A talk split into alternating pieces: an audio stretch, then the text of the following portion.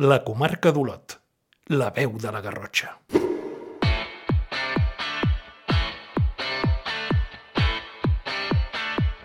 Estem al Teatre Principal d'Olot. És a punt de començar la gala amb valor, la primera gala de l'esport olotí organitzada per l'Ajuntament d'Olot i la comarca.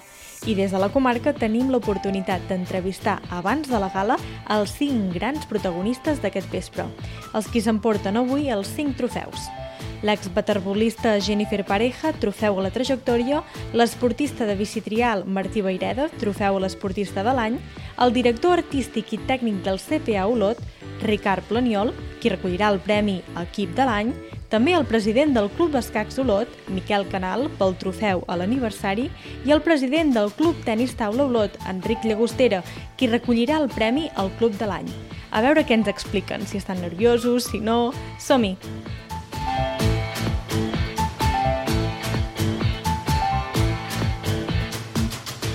Hola Jennifer, avui reculls doncs, el trofeu a la trajectòria i és indiscutible no? el teu premi, la veritat. Què representa per tu rebre aquest reconeixement on tot va començar? Doncs mira, just això, no? A Olot és on tot va començar. Jo vaig començar a anar Club Natació Olot amb 6 anys i ha arribat tot després, no? Però jo sempre dic, i ho diré després també, que només s'ha de mirar enrere per dues ocasions, una per agafar impuls i l'altra per mirar d'on venim.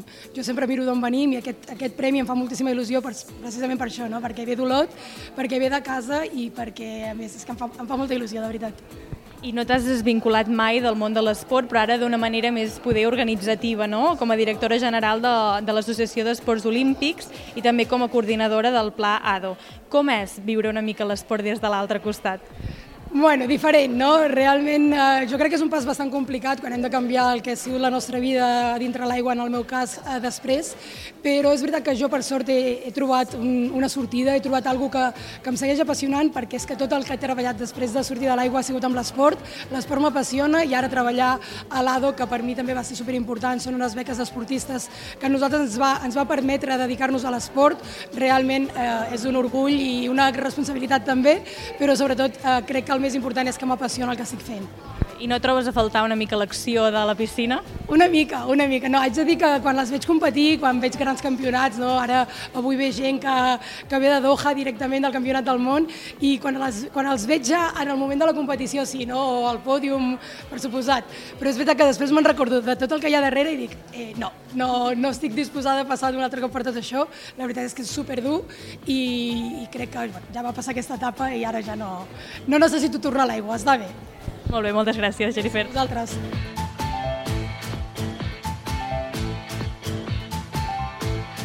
Hola Martí, com estàs? Bé, molt bé. Doncs avui reculls aquest premi com a esportista, no? aquest trofeu, en aquesta gala. Uh, com et sents després d'aquesta temporada que ha estat una mica dura per la teva salut, no? Uh, per aquesta lesió que vas tenir del menisc, però que després va acabar molt bé perquè vas pujar al podi mundial del bici trail. Com et sents després d'aquesta temporada passada?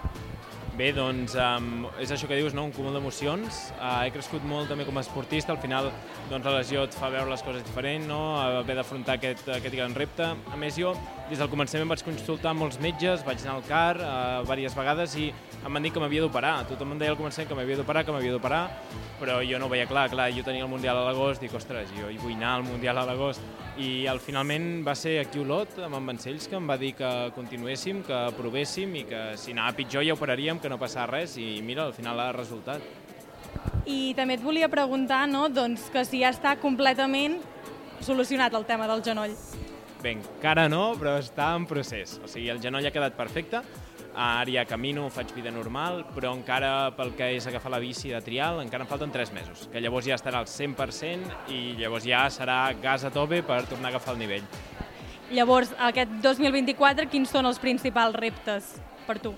Bé, no canvien els reptes perquè les competicions importants, les Copes del Món, comencen al juliol, per tant ja estaré 100% recuperat, i el Mundial aquest any és al desembre a Abu Dhabi, per tant tampoc hi ha excuses pel tema genoll, o sigui que els meus reptes són continuar a intentar doncs, fer aquests podis internacionals i donar el millor de mi i si aquesta temporada podem, podem repetir aquest podi. Molt bé, i també et donen aquest reconeixement sent molt jove i també havent-hi una ciutat en ple d'esportistes. Què representa per tu que hagin pensat en tu per aquest reconeixement? No, doncs és un gran orgull, estic molt content perquè és això que dius, no? que hi ha molts esportistes. També és molt guai aquest tipus d'esdeveniments no? perquè ens donem compte de la quantitat d'esportistes que tenim, lo rica que és la ciutat en aquest sentit, o sigui que és super, super guai i estic super, super content que hagi pensat en mi, molt, molt agraït. Molt bé, moltes gràcies Martí.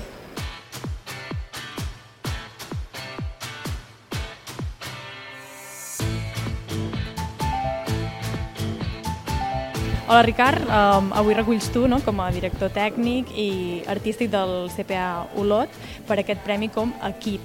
No? El 2023 va ser potser un any especialment complicat pel CPA Olot, però tot i així es vau acabar la temporada de la millor manera possible. Avui des de casa s'ho reconeix d'aquesta aquest, manera. Com ho va rebre el grup? Uh, la veritat és que rebre les felicitacions, en aquest cas, o l'agraïment de la ciutat d'Olot uh, és la millor, el millor agraïment que podem rebre, perquè precisament uh, són els que més ens recolzen, és on tenim l'escalfor més gran i la veritat és que és on ens fa més il·lusió. I avui també serà aquí la Georgina Sagristà. Ella també és part d'aquest èxit que vau aconseguir la temporada passada. Sí, la veritat és que la Georgina la vam incorporar eh, degut a les circumstàncies després del Campionat d'Espanya vam creure que bueno, necessitàvem doncs, fer un canvi de rumb i, i bueno, va ser, la veritat va ser una decisió molt encertada doncs, a contractar a la Georgina i els seus serveis i que la veritat eh, es va notar i vau acabar la temporada molt bé i també l'heu començat amb molt bon peu. Quins són una mica els objectius d'aquest 2024?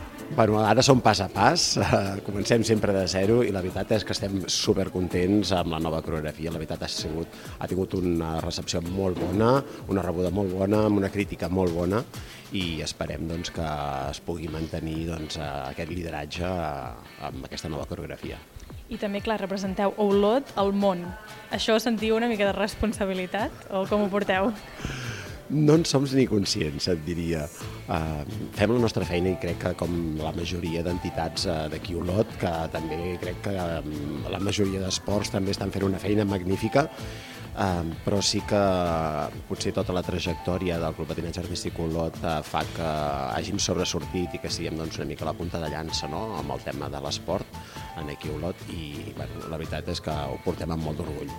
Molt bé, moltes gràcies. A vosaltres.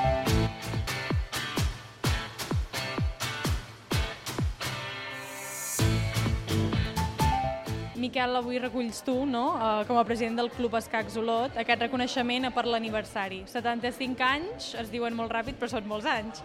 Què és el que no ha canviat dels vostres valors en aquests anys? Bueno, és complicat.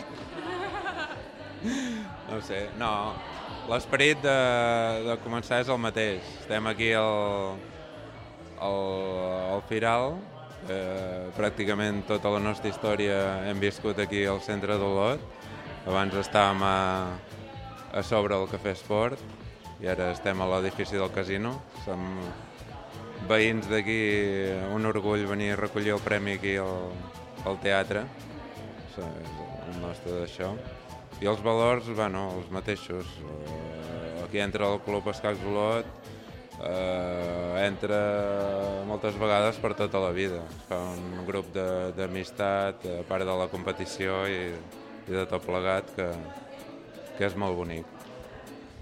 Molt bé, i aquest reconeixement creus que d'alguna manera és posar els escacs a primera línia, que moltes vegades no estan tan reconeguts?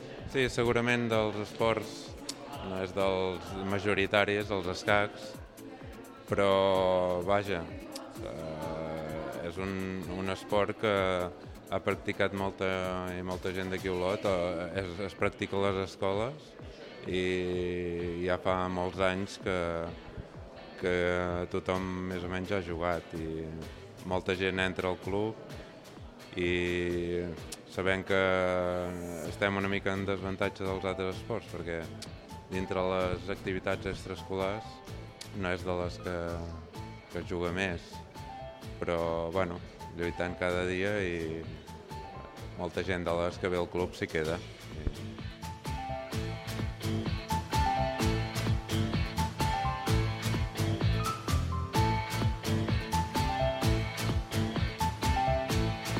Enric, avui tu reculls com a president del Club Tenis Taula Olot aquest reconeixement com a club i era un reconeixement potser indiscutible, no? perquè aquest 2023 ha estat un, un any històric pel club, heu aconseguit un triple ascens històrics a la superdivisió, la divisió d'honor i també a la primera estatal. Com us sentiu de tanta, tanta emoció i tanta il·lusió de pujar tantes categories? En primer lloc, en primer lloc, indiscutible, no hi ha... Jo sempre dic el mateix, la veritat, hi ha tantes i tantes entitats que lluiten, el que, va, que passa que és això, que moltes vegades s'ha de reconèixer potser els que tenim la sort o el privilegi de poder assolir aquests èxits. Sí que és veritat que va estar, ha estat una temporada increïble, el 2023, aquests ascensos, sobretot el de poder pujar a la superdivisió, una, bueno, una fita que la perseguim ja feia 3 o 4 anys i ja s'hi ha estat possible. Bueno, molta gratitud a tothom, a tothom que, que ho ha fet possible. No és només els jugadors, la Junta, mm, és tothom. Tothom hi posa el seu granet de sorra perquè això, perquè això pugui fer-se realitat. I com es manté um, un equip aquesta divisió? És a dir, com es manté aquesta fita? Doncs mira, es manté amb moltíssims problemes, amb un grapat de diners, però el que jo dic sempre, amb moltíssima il·lusió. La il·lusió eh, és el que mou tot, però és complicat, logísticament, venen jugadors, tenim un jugador ucraïnès, un jugador de Bulgària, un, dos jugadors d'Itàlia, un jugador, dos jugadors de Portugal, coordinar tot això amb vols, amb hotels, amb disponibilitat d'ells perquè juguen a altres lligues, és complexa, però bueno, el que hem dit abans, la il·lusió fa que ho tiris endavant i sense cap problema. T'has preparat algun discurs per pujar i dir-lo o com, com ho portes això de parlar en públic tu? Bueno, ja deus veure que no em costa pas molt.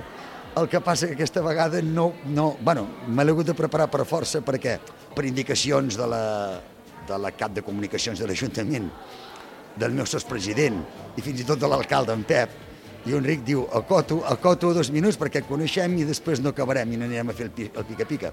Vol dir que sí, me l'he hagut de preparar una mica escrit, temporitzant que fos, fos el més expressiu possible, però el més acotat possible per no cansar-vos a tots plegats.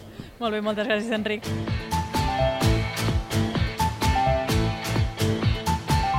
Doncs aquestes han estat les declaracions dels cinc grans protagonistes d'aquest vespre. Fins l'any que ve. La comarca d'Olot. Compartint històries.